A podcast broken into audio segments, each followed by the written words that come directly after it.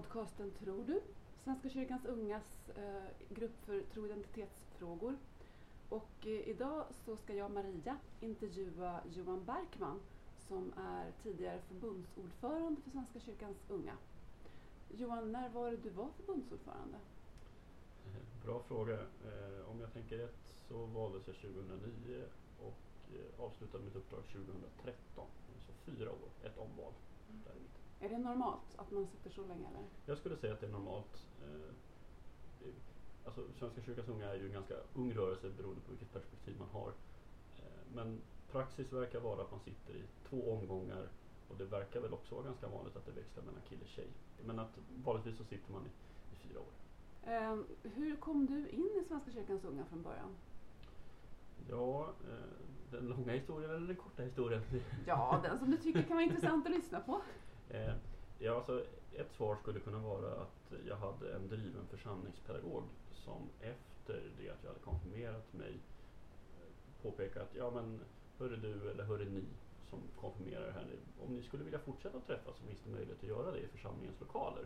Och vi träffas på onsdagar och bla bla bla bla bla bla. Och vi hade ju så roligt under konfirmandtiden. Jag minns inte så mycket av konfirmandtiden rent undervisningsmässigt. Men jag minns att vi hade roligt tillsammans. Eh, och då räckte det ju med att någon ställde någonting till förfogande där vi kunde träffas eh, regelbundet vara kul tillsammans. Och så var det lite gudstjänst och lite sånt på köpet. Men det handlade för mig då mest om att någon bjöd in till att träffa mina vänner någon annanstans än hemma. Vilket ju kändes klockrent just då. Mm. Så att det var egentligen socialt i början, alltså rent ja, Svenska kyrkans unga? Det, det, får man säga. Eh, jag skulle nog nästan gå så långt att säga att alldeles där i början så var det inte någon som sa något om Svenska kyrkans unga utan jag blev inbjuden att vara med i församlingens ungdomsverksamhet. Eh, och sen så kom Svenska kyrkans unga som smygande det har visat sig efteråt att det fanns en ganska lång och ståtlig tradition av Svenska kyrkans unga, eller Ansgarsförbundet, en av föregångarna eh, i församlingen. Eh, men just där och då och kanske mitt första halvår, år, kanske till och med ett och ett halvt år i ungdomsgruppen, då var Svenska kyrkans unga för mig helt främmande. Det var inte någonting som man pratade om alls. Det var det pratades om något årsmöte men jag kan inte svära på att jag ens då gjorde reflektionen att det var en förening eller att alltså, kopplingen till Svenska kyrkan som Och ändå blev du förbundsordförande. Ja. hur gick det till? Ja, hur gick det till? Eh, alltså, hemma i lokalavdelningen och församlingen så gjorde jag det mesta. Alltså allt ifrån åtminstone korta inhopp som barngruppsledare men framförallt då ungdomsgruppsdeltagare och konfirmandledare under periodvis så var jag kort, korttidsanställd som, som fritidsledare. Eh, jag hann med en sväng i, i kommunalpolitiken och relaterat till det så var även kyrkopolitiken med på ett hörn. Så att jag, jag provade liksom på det mesta i församlingen. Men någonstans där, alltså det roligaste förutom att vara på just ungdomsgruppen, det var att åka på läger. Så för mig så var vägen in i egentligen både Svenska kyrkans unga och förbundsordförandeuppdraget att jag blev meddragen på diverse olika saker. Det var ledarutbildningar, det var läger och också årsmöten. Och årsmöten i Stockholms stift då, eller Svenska kyrkans unga i Stockholms stift, det gick från att vara någonting som man borde åka på eftersom att det var ett, något man borde åka på helt enkelt, mm. till att mer vara en kul grej. Eh, och det, det synkade ganska bra med lite nördiga intressen i mitt fall som typ elevråd eller eh, ja men återigen då lite kanske det politiska att jag hade någon form utav struktur eller tänk för vart jag ville komma. Och då var jag liksom ganska Stockholmsfixerad eh, och jag skulle säga kom inte så mycket längre än Stockholm. Jag gjorde inte så mycket utanför Stockholms gränser fram till det att det blev dags för lumpen egentligen. Eh, och när jag gjorde lumpen så blev det som så att man hörde av sig från lokalavdelningen och sa att nu har vi inte någon ordförande här i lokalavdelningen. Skulle du vilja vara det när du kommer tillbaka? Och jag tänkte väl att det kan jag väl vara en stund. Eh, det behöver inte bli så avancerat. Så att jag fick, eh, fick ledigt, åka hem på årsmötet, bli vald och sen åka tillbaka till krigsövningarna. Och på samma eller i samma sammanhang, på samma årsmöte, så skulle man då också välja representanter till Svenska kyrkans ungas årsmöte. Och ingen visste så mycket om det men man skulle uppenbarligen välja folk och som nyvald ordförande så, så tänkte jag att om ingen annan så får väl jag. Eh, och då åkte jag 2005 på mitt första nationella arrangemang i Svenska kyrkans unga, stora årsmötet 2005. Och på årsmötet så tyckte jag att det här var himla kul. Jag hade ingen, inga förväntningar alls på vad det egentligen skulle handla om. Men på årsmötet så, ja alltså det hade suttit en stockholmare i det där som var förbundsstyrelsen. Men han skulle ju sluta.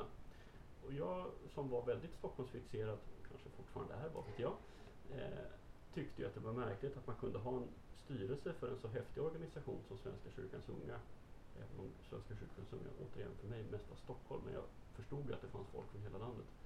Eh, inte hade en stockholmare i styrelsen. Eh, så att jag, jag tror att jag liksom anmälde mig själv. Eh, och så lyckades jag traggla mig igenom valprocess och valgrupp. Och tror att jag kanske, kanske med någon form av smidighet och skicklighet eller inte vet jag, övertygelse kunde övertyga några människor. Eller så var det som så att när jag sa att jag var stockholmare så blev jag på något sätt inkvoterad i, i styrelsen, vad vet jag. Men det var 2005 till, och då satt jag i styrelsen till 2007. Eh, och så slutade vice ordförande, vice förbundsordförande. Och jag tyckte att det där verkar som ett ganska spännande steg att ta. Och blev nominerad och vald till vice förbundsordförande och gjorde det i två år. Och sen så skulle vår ordförande då sluta. Och då kändes det naturligt. Det synkade bra med jobb och med eh, att jag var klar med min utbildning. Och överhuvudtaget så kändes det ganska rätt givet just då. Och då lyckades jag bli vald. jag känner mig lite förvånad när jag berättar historien. Men från att ha varit en väldigt Stockholmsfixerad eh, som också använde Stockholm som argument till varför jag skulle komma in i styrelsen till att upptäcka att det var roligt, fantastiskt och häftigt Mm. eh, till att bli förbundsordförande. Och sen, eh, jag misstänker att frågar man vilken förbundsordförande som helst som har suttit två år om jaha, är du klar nu? Mm. så, så tror jag också att man får svaret nej, eh, det är nu jag har fått grepp, det är nu jag känner vart, vart jag vill och vart jag, vad jag vill lämna efter mig. Och sånt där. Och det är nog också därför det är naturligt att sitta fyra år snarare än, än två år. Mm. Det tar ett tag att komma in i Det uppdraget. tar och definitivt ett tag att komma in. Kan du berätta någonting roligt som du fick göra när du var förbundsordförande som du inte skulle fått chans att göra annars? Någonting som är roligt. Eh, ja, alltså det mesta, allt som är roligt med att vara förbundsordförande tycker jag handlar om människor på något sätt. Man får ju en, höll på att säga, man får en puff framåt, vissa dörrar öppnas och sånt där. Det är fantastiskt kul att träffa medlemmar. Och det Svenska kyrkans unga förbundsordförandeuppdraget gjorde, det var ju att jag fick möjlighet att träffa Svenska kyrkans ungas medlemmar på ett sätt som jag aldrig hade kunnat om jag bara var vanlig medlem. Nu lät det som att jag nedvärderade bara medlem här, men, men alltså möjligheten då i och med att det är ett heltidsuppdrag så kan man ju lägga det på saker som är viktiga för organisationen eller eh, som, som är bra för medlemmarna helt enkelt. Och mycket av det handlar om att träffa människor. Så att jag skulle säga att att få in en fot i till exempel kyrkomötespolitiken, kyrkopolitiken får man väl säga, men kyrkomötet i synnerhet, eh, träffa de som faktiskt beslutar om saker som påverkar barn och unga. Inte bara prata snett utifrån diagonalt och kanske lite grann utan faktiskt få, få personliga möten med folk som man vet kommer ha stora möjligheter att påverka för barn och unga i församlingar. Eh, det, det skulle jag liksom säga är en häftig grej. Pratar man specifika människor så, så är liksom ärkebiskopen och, och höga höns på kyrkokansliet eh, två delar. Men lika viktigt och lika roligt är ju de här gångerna det, det är kanske ännu, kanske ännu roligare, det känns ännu bättre. Det är när man träffar en ungdom någonstans, eller ett barn någonstans som påtalar ett problem. Det finns, jag har ganska många sådana. Eh, och sen så har jag kunnat se att det Svenska kyrkans unga har gjort och kanske, kanske något som jag har gjort har varit att påverka någonstans och sen så har man kunnat se att det får ett resultat. Eh, det är ju svårt att se det på några månaders tid men lite längre tidsperspektiv i alla fall så, så går det liksom att följa. Ja, men det jag gjorde här, när jag träffade den här människan, lyssnade in det här problemet, det på något sätt hittade hela vägen. Jag lyckades, eller vi lyckades får man säga i ödmjuk anda, Mm. att påverka någon och det fick ett resultat tillbaka. Mm. Men mötena med människorna, det är det som har varit absolut Mm. roligast. Ja, det låter jättespännande. Jag tänker just den här tillfredsställelsen att få göra någonting och se ett resultat. Det är ju inte alla förunnat. Nej, så det är ju inte. häftigt i Mm. sig att få vara med om det. Men var det någonting som var svårt med att vara förbundsordförande? Är det någonting som du kommer ihåg och tyckte att oj, det här var knepigt? Det som jag eh, tror att jag tyckte var knepigast. Alltså tanken när jag hör frågan så är det liksom två perspektiv. Det ena är ju att man som förbundsordförande har ett förbundskansli och förbundsstyrelse. Eh, och det är både en välsignelse och det kan vara lite jobbigt ibland. Eh, dels så har man ett ytterst arbetsgivaransvar. Eh, och så får man själv lägga in vad man, vad man lägger i det. Men man har helt enkelt ansvar för folks jobb ytterst. Och det gäller allt ifrån övergripande löner till att det ska vara en trivsam arbetsplats och så vidare. Eh, och är det inte det så är man som förbundsordförande ytterst, ytterst eh, ansvarig och inblandad i att så är fallet eller att så inte är fallet. Eh, och det kan ju vara tufft, alltså det är en, en stor ansvarsbit. Eh, men annars skulle jag säga att det som har varit utmanande, och tack gode gud så finns det inte så många exempel, men eh, alltså Svenska kyrkans unga är ju en demokratisk organisation. Så att årsmötena bestämmer saker, eh, förbundsstyrelsen ska verkställa det och har organisationen i viss mån till sin hjälp. Kanske i första hand förbundet då, om, om förbundsårsmötet tar ett beslut till exempel så ska man göra det. Men det finns ju förstås exempel där de här måste tolkas. Vad menade egentligen organisationen när de sa det här? Och då har man ju som förbundsordförande tacksamt nog en förbundsstyrelse som ska hjälpa till med den här tolkningen. Och i den bästa av världar så tolkar alla det här likadant. Mm. Då går ett sådant beslut eller en sån tolkning ganska fort i en förbundsstyrelse. Eh, eller så tolkar alla det olika och det kan också vara ganska tacksamt ibland, märkligt nog. För då vet man att det är en spridd bild. Det som har varit jobbigt det är de få fall där jag har tyckt eller tolkat någonting på ett sätt men där styrelsen har tolkat det på ett annat sätt. Har du något exempel på det? Vad skulle det kunna vara för någonting? Ja, eftersom att styrelsen nu per automatik, säga, per, per det arbetssätt som har varit så har styrelsen valt att ha en enad linje. Så att jag vill inte namedroppa något nej, exempel. jag. Men, men jag kan hitta på ett exempel. Mm. Eh, och det skulle till exempel kunna vara att Svenska kyrkans unga får en inbjudan att vara med i ett projekt. Och det kanske kostar pengar, det kanske inte kostar pengar. Det kanske påverkar det här eller det kanske inte påverkar det här. Och läser man då till exempel verksamhetsinriktningen för Svenska kyrkans unga så skulle man kunna se det som att ja, men det här projektet ligger helt i linje med det som årsmötet har beslutat att man ska göra. Eller så skulle man kunna säga ja men det här beslutet på något sätt påverkar det här så att vi borde säga nej.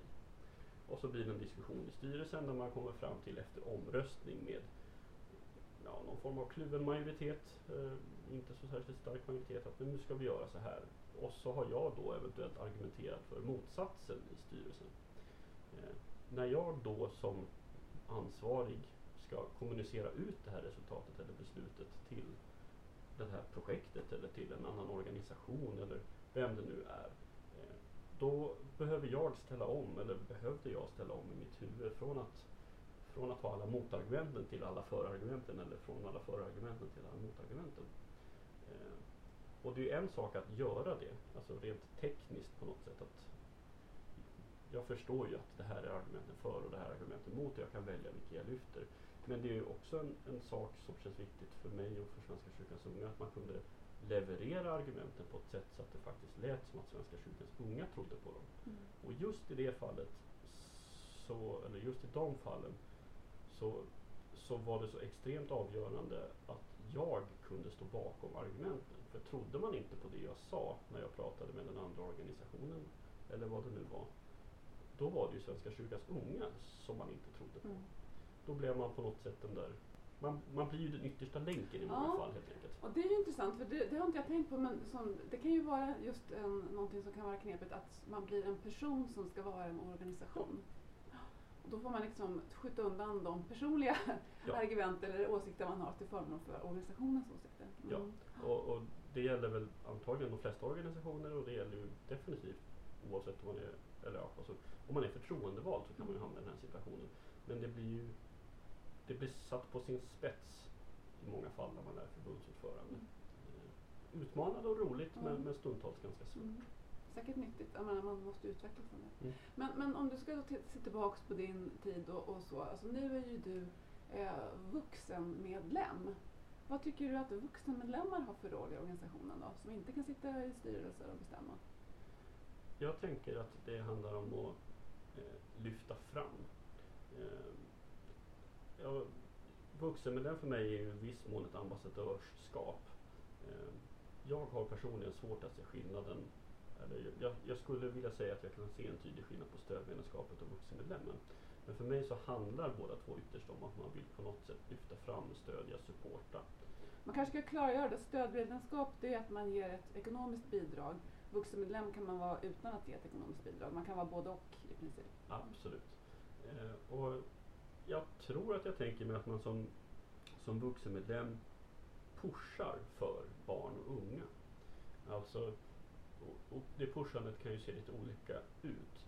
Men det handlar om att vad kan jag göra i mitt sammanhang för att Svenska kyrkans unga eller barn och unga ska kunna få ta lite mer plats. Och råkar man då till exempel vara präst så kan man ju fundera på ja, men vad kan jag göra i min roll?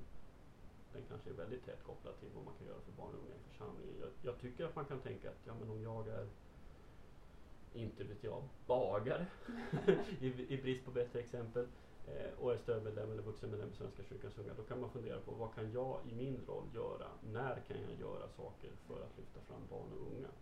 Det handlar ju dels om att lyfta fram dem som individer men också fundera på barn och unga som, som eh, område. Vad kan jag göra för att lyfta fram det?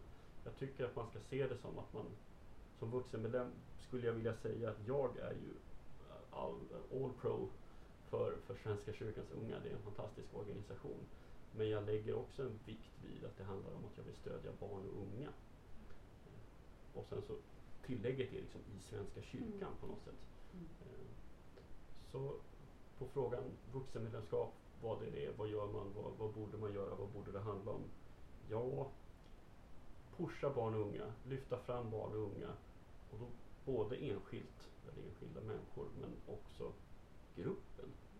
Och ja, nej, inga barn och ungdomar är de andra lika, men man kan ändå prata om barns rättigheter, man kan prata om barnkonsekvensanalys, man kan prata om barnperspektiv, man kan fundera på hur en arbetsplats resonerar kring barn och unga. Om man ens har gjort det, borde man göra det? Varför inte? Eh, och då är på något sätt, i de sammanhangen så kanske det inte är så mycket tro, utan då handlar det mer om barn och unga och utveckling. Mm. Och där jag tycker att det sitter ihop med tro, men det är ju inte alla som tycker. Mm. Ja. Nej, och det handlar också om, alltså man kan ju brinna för barn och unga eh, i samhället och, och i Svenska kyrkan. Så det ena behöver inte utesluta det andra men det är lite olika saker beroende på var man befinner sig någonstans. Mm. Men vad ser du som Svenska kyrkans ungas uppgift? På vilket sätt behövs Svenska kyrkans unga? Ja, jag tror att det också beror lite på vem man frågar. Å ena sidan, alltså ett perspektiv barn och unga. Jag har hört folk som har liknat Svenska kyrkans unga vid en fackorganisation. Eh, den fackliga organisationen. Så att man i princip samlar och slåss för, brist på bättre ord, eh, barn och ungas rättigheter i kyrkan. Ju fler som är medlemmar i Svenska kyrkans unga desto starkare röst får Svenska kyrkans unga att påpeka att barn och unga är kyrkans nutid och inte bara kyrkans framtid. Ja, det är liksom en, en grej. Och då skulle ju det kunna innebära att man för inte vet jag, någon form av diskussioner och samtal lokalt i församlingen för att slåss för barns rättigheter, barn, barn och ungas rättigheter där. Eller för den delen att man går via kyrkopolitiken och påverkar där. Eller att man har stora projekt där man samlar barn och unga tillsammans så man känner att man inte är ensam. Så, så det är liksom en sån där del. Eh, möjligtvis så är det här med att samla barn och unga en, en del för sig. Alltså om man pratar om fysiskt samla barn och unga en häftig grej, eller en aha-upplevelse för mig, och det är ju nu några år sedan så det bör rimligtvis ha ändrat sig, men, men känslan av att, att man var någon i ett större sammanhang. Vi hade en ganska stor ungdomsgrupp och Stockholms stift hade och har ganska många medlemmar. Eh, men ändå känslan av att det lilla jag gör här är en del av någonting större. Svenska kyrkans unga är ganska bra, tycker jag, på att inte ha jättestora steg mellan det lilla jag gör här och det som händer där borta. Utan man kan förhoppningsvis se den täta kopplingen. Så ja, vad, vad, är och vad ska Svenska kyrkan som jag göra? Ja, men, samla och slåss för barns rättigheter är absolut en del. Eh, tro och utveckling är en annan del. Och det som är så märkligt är att när man säger tro och utveckling så tänker man på något sätt hur man sätter ett litet barn i någon form av utveckling av, av en så här ska du läsa, så här ska du tänka, så här ska du utvecklas. Men jag tror ju att Svenska kyrkans unga fyller en tro och utvecklingsfunktion i Svenska kyrkan i största allmänhet. Återigen lite grann som det här med barnperspektivet, barnkonsekvensanalys. Det är ju förbluffande ofta det som så att gör man något för att förbättra situationen för barn och unga så brukar det vara ganska många vuxna som också upplever att det sker en positiv förändring. Inte bara för barn och unga utan även för dem själva. Så Svenska kyrkans ungas roll kanske är tro och utveckling då? Mm. Då kan man ju fundera på om det betyder att Svenska kyrkan inte sysslar med tro och Ja. utveckling. Alltså jag tänker, när du säger så här, jag tänker två saker. Dels att eh, jag växte upp eh, i eh, en församling där jag inte hade så mycket, det fanns inte så mycket jämnåriga eller så mycket barn och ungdomsverksamhet som jag hakade på. Så att jag var mest engagerad genom eh, körverksamhet i en helt annan kyrka än den där jag, liksom, där jag gick, där jag var konfirmerad. Ehm, men jag kommer ihåg att en av de första gångerna jag var med på en stor samling för unga människor, då var jag nog rätt gammal, alltså då var jag nog 20-21 någonting. Men hur häftigt det var att se plötsligt, oj vad många vi är, de här kommer från hela landet, och nu firar vi gudstjänst tillsammans. Det finns så här många unga människor Mm. i kyrkan, för jag hade inte sett så många unga människor. Så jag tänker att bara det var väldigt identitetsstärkande för mig. Så jag tror du har helt rätt där, att Mm. bara att samla, fysiskt samla, erbjuda eh, mötesplatser kan vara väldigt jagstärkande och trosstärkande när man är ung. Um, särskilt om man kanske kommer från en liten församling eller ett sammanhang där man inte har stöd i familjen eller närmaste vännerna liksom, för sin tro. Då blir det, tror jag, jätteviktigt. För mig så var just det fysiska samlandet viktigt. Men eh, med risk nu för att låta som en gammal gubbe så inser jag ju också att ja, men det kanske inte är det fysiska utan det är på något sätt känslan av att man inte är ensam, vi är många tillsammans. Sen om den kommer genom att man tar del av en medlemstidning för att man ser att ja, men här är ju de här personerna med och jag identifierar mig med den här gruppen och vi är många tillsammans. Det är häftigt. Eller om det är på lägret där man står 1500 pers och sjunger lovsång tillsammans. Eller om det är via sociala medier. Alltså, men jag håller med, just den här känslan av att tillhöra någonting större. Mm. Ja, den, Mm. den är häftig. Mm. Eh, vad tycker du är det viktigaste som du själv har lärt dig genom åren i Svenska kyrkans unga? Är det något du kan peka på att det här har jag liksom tagit med mig? Det är en jättesvår fråga. Eh, jag är ju en sån som inte har varit livstidsengagerad i Svenska kyrkans unga. Utan jag ramlade in här i och med konfirmationen och hade gjort något. Min mamma påstår att jag var med på kyrkans barntimmar. Eh, sådär. Annars är det, det är inte så ovanligt. Det är ganska Nej. många som ramlar in i samband med konfirmationsåldern. Mm. Eh, men jag skulle ju säga att Svenska kyrkans unga har gjort mig till den jag är. Och i det så, alltså förståelse och ödmjukhet. Jag brukar tycka att jag är ganska ödmjuk om jag liksom ska lista någon av mina egenskaper enligt icke-svensk jantelag. Sådär. Eh, och det tror jag är något som jag har fått från Svenska kyrkans unga. För det har också skett någon form av förändring där. Från att som sagt ha varit den här som jag är stockholmare, alltså ska jag vara med i styrelsen. Till någon form utav, ja men vi fyller alla vår funktion, vad du än säger så påverkar det resultat. Det är en viktig del i att förstå vart vi vill, vad vi är och, sådär. Alltså den, den ödmjukheten, den tillskriver jag Svenska kyrkans unga. Eh, jag kan inte se vart den tydligt skulle ha kommit annanstans ifrån. Så det är liksom en egenskap som jag tycker att jag har tränat upp eller ja, lärt mig beroende på perspektiv. Då. Men alltså ja, annars så finns det ju föreningsteknik förstås. Eh, jag skulle säga att jag har, ja det är också en egenskap kanske, men jag har ju vuxit i det här klassiska tro och ansvar inom Svenska kyrkans unga. Men alltså, föreningstekniken är ju spontant annars det som jag känner att jag har haft stor nytta utav. Eh, dels när man ska försöka förstå andra organisationer eller när man ska greppa hur Sverige funkar. Eh, eller för den delen när man är i kontakt med en myndighet och man försöker, ja okej, du vill nog hjälpa mig innerst inne.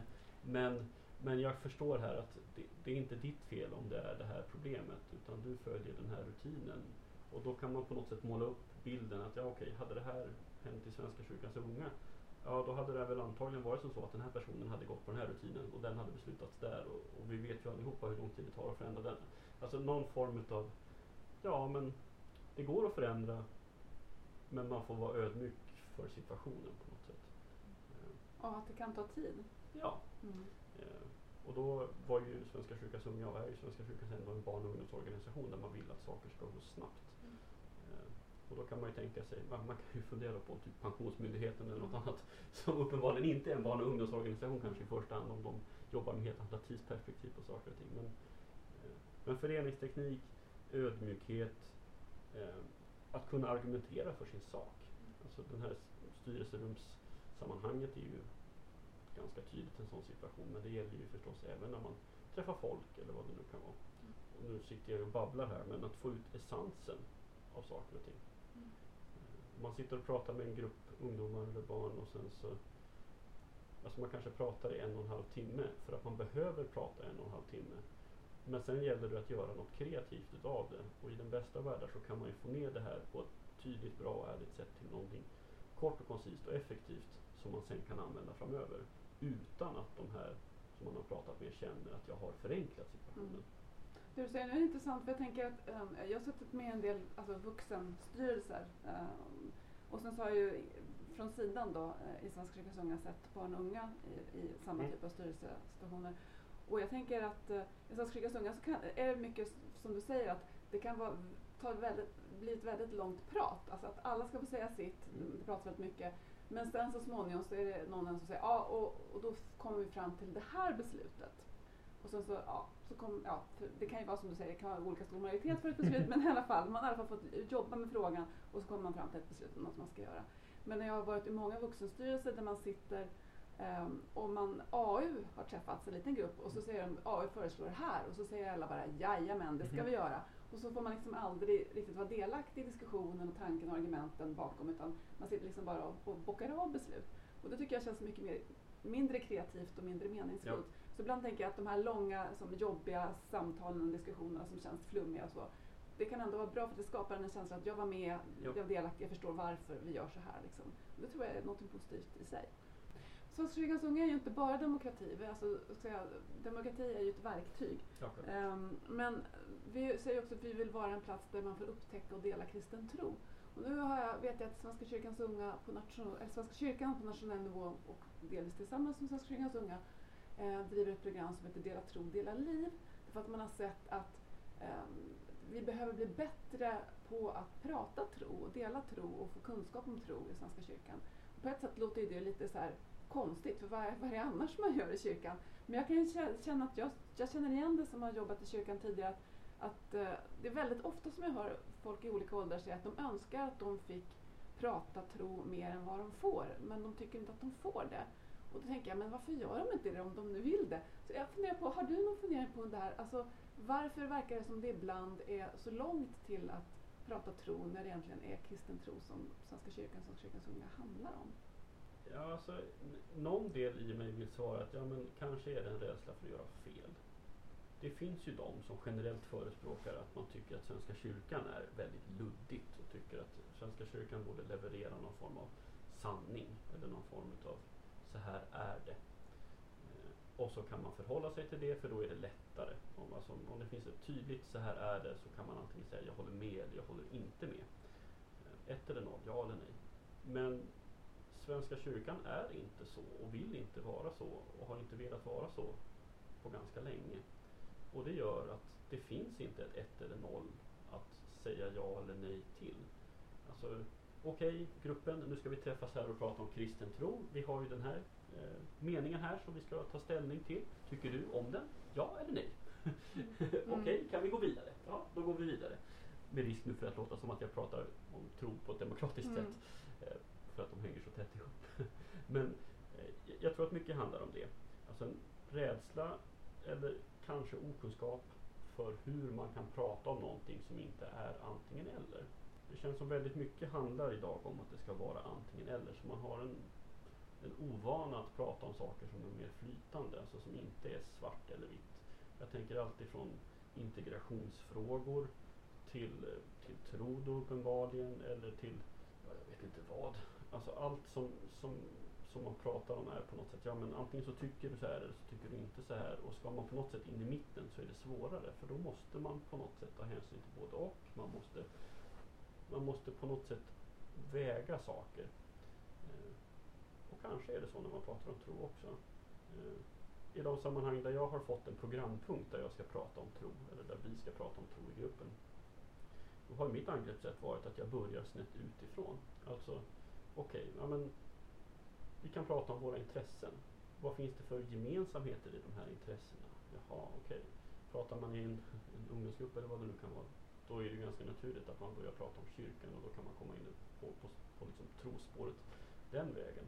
Men för mig så har det varit lika mycket, jag minns, jag minns en gång på, på stiftsgården Rättvik där jag skulle hålla något som handlade om, jag kommer inte ihåg vad. Det var en väldigt märklig titel i alla fall och sen så blev det till att eh, jag minns att det jag liksom hade på tavlan när, när vi hade liksom pratat klart det var egentligen en, någon form av lektion i sex och samlevnad. Mhm. Eh, och det var ju kul men det var inte det som rubriken hade sagt men det var det som de här människorna ville prata om när de skulle prata om vad tro kunde vara för något för dem. Jag tror att svårigheten är, och jag hoppas att det är det som Svenska kyrkan också har tänkt, det är att man vet inte var man ska börja. Mm. Och eftersom att man inte vet var man ska börja så måste man på något sätt prova sig fram. Och som jag har förstått det så finns det en hel del pengar i det här dela tro-biten. Eh, och jag har uppfattat det som att de pengarna med fördel kan användas till forum där man kan göra dela tro. Eller metoder möjligtvis, men, men kanske framförallt forum. Och jag tänker mig att det är ett sätt att, att våga prova former eller hur man skulle kunna göra. Mm. Och så i, i sann byråkratisk anda så ska man utvärdera och fundera på vad som funkar bäst. Det är den andra biten. Alltså, Svenska kyrkan kanske kan plocka fram en patentlösning för hur man ska prata dela tro med folk som inte har ett ett eller nolltänk. Liksom. Eh, men jag tror ju lika viktigt är ju att förstå att ja, men, om, vi ska, om du och jag ska prata om tro så är inte det på samma sätt som de här två som ska prata om tro. Och därför så behöver man på något sätt stödja båda formerna men också hitta en gemensam nämnare. Mm. Eh, Men om du skulle tänka utifrån dig själv då, din egen väg till tro. Mm. Du beskrev det som att det var lite vagt i början och du, ja, du, du fann ditt sammanhang och så, du visste inte riktigt vad det var men du lärde dig. Alltså, vad hur skulle du beskriva din egen väg till tro? Min egen väg till tro följer nog i mångt och mycket Svenska kyrkans unga. Eh, Jag skulle inte säga att det var konfirmandtiden som sagt som på något sätt sa det var där det hände. Utan för mig så var det mer, ja men på något sätt efteråt. Alltså interagerandet med andra som gjorde att jag fick fundera.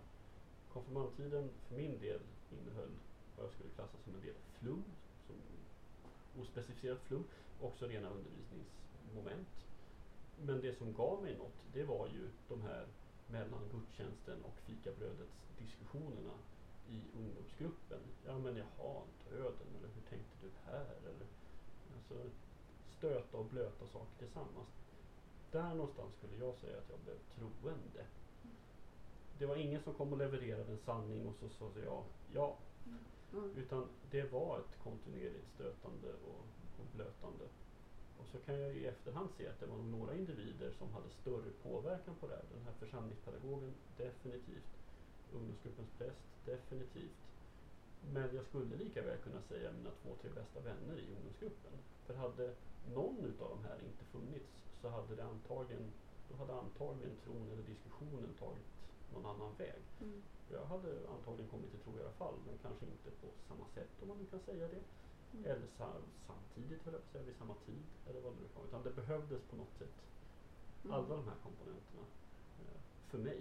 Jag kunde inte gå till kyrkan, höra en predikan och säga jajamän, nu tror jag på det här. Utan jag behövde diskutera. Och så Mm. finns det väl förstås de som funkar annorlunda, men så Mm. var det för mig. Ja, och jag tror att du sätter också fingret på dels tror jag hur det är för ganska många. Ehm, att det, det är inte, alltså det, när jag pratar med både med vuxna och med, med unga så är det ganska få som kan säga att jag blev troende då och då. Liksom, jag blev, I andra sammanhang säger man att jag blev frälst. Ja. Men det är så att man kan sätta liksom ett, ett, en tydlig tidpunkt på det. Utan tron har varit något som har, som du beskriver, som växt fram organiskt. Och någonstans har man kommit till en punkt där man själv börjar prata om sig själv som jag är kristen, jag är troende. Mm. Och det är inte så tydligt kanske exakt när det hände. Eh, och jag tror att det kan vara det också som gör det här med att dela tro, som du säger, kanske lite svårt. Därför att innan man har kommit fram till den här punkten där man vill säga hej jag är kristen, hej jag är troende, så vet man inte riktigt vad det är man pratar om när man pratar om tro. Och man kanske är rädd för att säga fel. Eh, eller att bli missuppfattad eller sedd som någonting annat än den man är. Eh, så jag tror att det kan finnas en skygghet och en blyghet i det här som gör att det blir svårt. Men ja, i bästa fall så är Svenska kyrkans unga precis en sån arena som du beskriver där man kan få vara med även när man inte är så säker, även när man är lite blyg och skygg och så få tid på sig då att kanske växa fram till någonting som är ens eget, Mm. där man känner att man vågar säga ja men jag är kristen nu. Men tack så jättemycket för att du tog dig tid Absolut, och självklart. pratade om mig Johan. Mm. Och jag ska säga till dig som har lyssnat att du har lyssnat på eh, vår podcast från Svenska kyrkans ungas tro och identitetsgrupp. Och du kan nå oss om du vill med synpunkter eller idéer via vår e-post tro svenskakyrkansunga.se eller vår Facebook-sida Tror du? Eller du kan också naturligtvis kontakta oss på Twitter där vi finns på svkungatro. Tack för att du har lyssnat och välkommen tillbaka igen om två veckor.